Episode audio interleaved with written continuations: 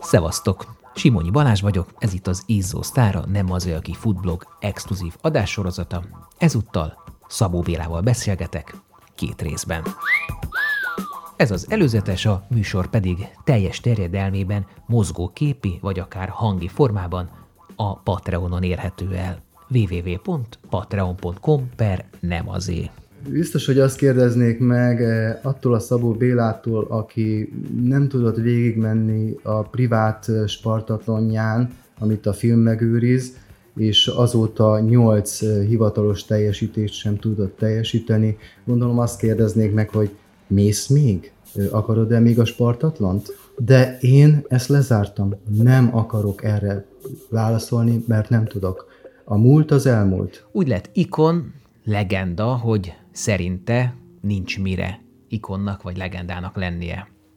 Úgy került ő is a középpontba, mint, ahogy a mondás tartja, Pilátus a krédó imádságba. Ha csak a civilizáció ö, ö, ö, szüleményeiben létezel, nem mozogsz, akkor a, a fajod ö, ö, alkatát nem ápolod, nem kezeled. Az az ember nem gondolt arra, hogy ő most kezelem, létezett. Idén lesz 60 éves.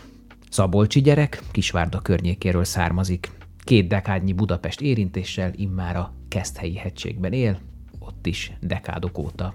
Két fia van és két unokája. A neve óhatatlanul összeforta Spartatlonnal egy más konnotációban. Ő is írta a verseny történelmét, de nem a győztesek vagy a célba érők oldaláról. Mi a, mi a tökért csináljuk ezt?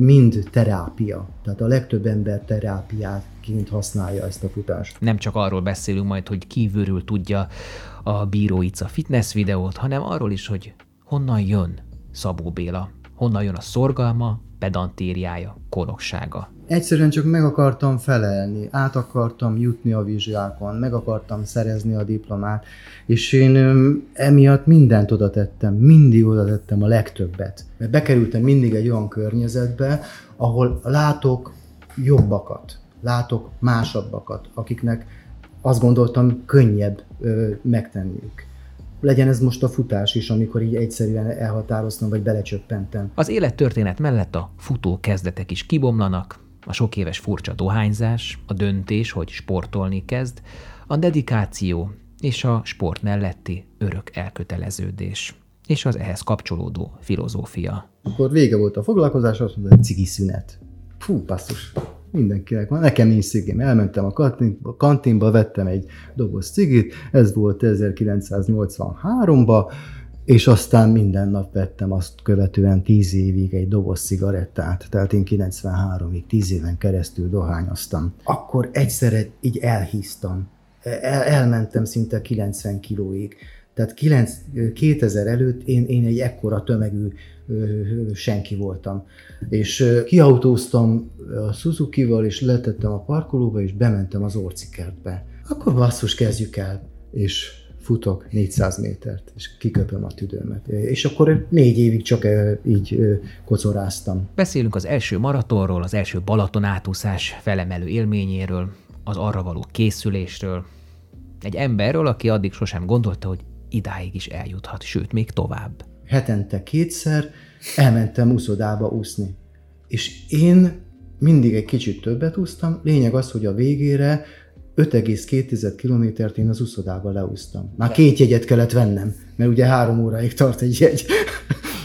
Tehát addig nem hittem el, hogy valami történhet, amíg oké, okay, nyáron jelentkeztem, és 2004-ben átúztam a Balatont. Mikor láttam azt, hogy megy, oda készültem, felkészültem rá, és teljesítettem, akkor ez egy hatalmas sikerélmény volt, egy e, e, endorfin, endorfin zuhatag jött rád, és ez, ez mindenképp hat, megerősít, meg, meg, meg szándékot ad a, a továbbvitelre. Tehát ez, ez az életforma nekem tetszett, akkor még a családomat is bele tudtam ebbe vonni. Belelátunk egy családba, ahol a futás is helyet kér magának. A fiaim élik a maguk életét. Örülnek, de nem léteznek együtt velem a futással mai napig sem. A Judit oldaláról meg ugye most már ugye a közönség találkozókon is rögtön mondtuk, hogy mi 2016-ban Judittal elváltunk. és belekezdünk két nagy témába is, ami majd a második részben tovább bomlik kifelé. Feladásaim története és Füstmilán után feleségem története. Judit feltett nekem egy kérdést annak idején, hogy mikor fogod ezt abba hagyni? Ez, ez felfoghatatlan kérdés neked, vagy aki mondjuk ezeket, ezt a műsort is most hallgatja. Ez az egyik oldala.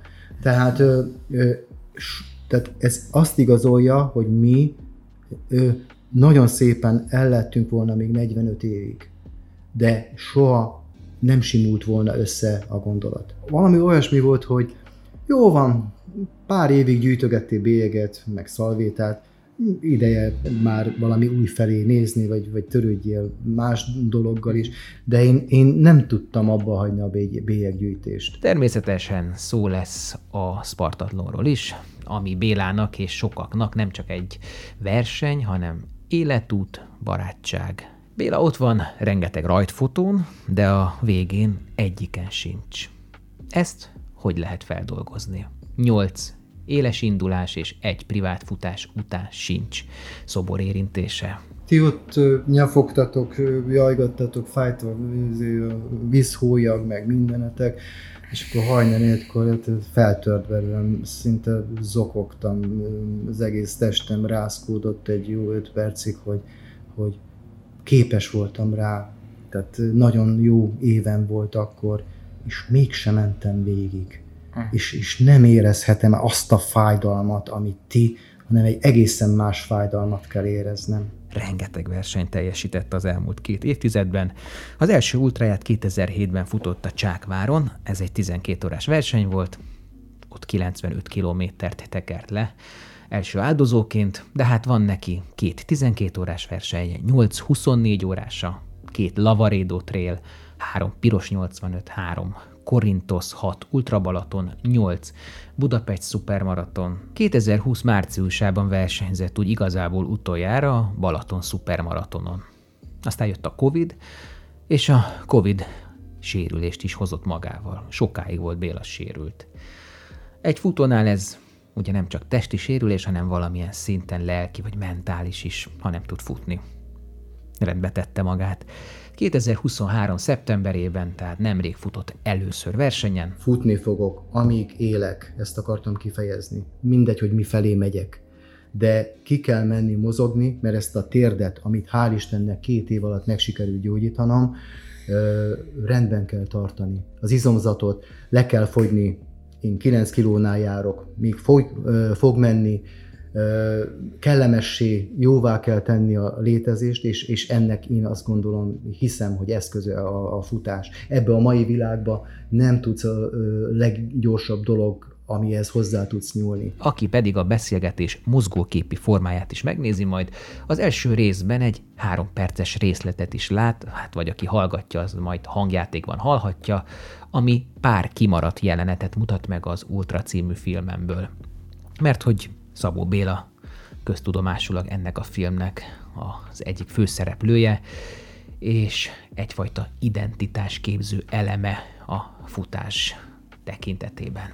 Ahogy azt megszokhattátok mindegyik adáshoz, tehát ehhez is bőséges dokumentációt mellékelek, képeket, videókat, adatokat.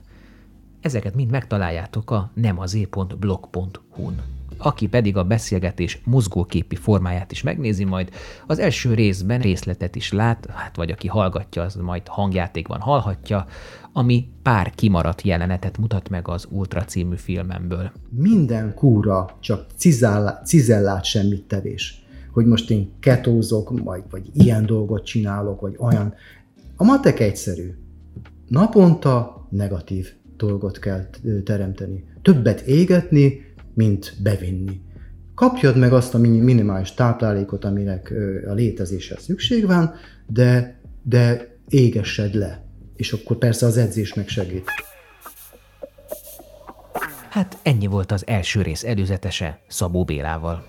Érdekel az adás? Akkor szájba a finanszírozásba, legyél patronálója a 11 éve fennálló blog és podcast működésének, és férj hozzá további extra tartalmakhoz is, írott, vizuális vagy hangi formában, amik a futás vonzás körzetében lévő izgalmas alakokkal, alakokról készülnek.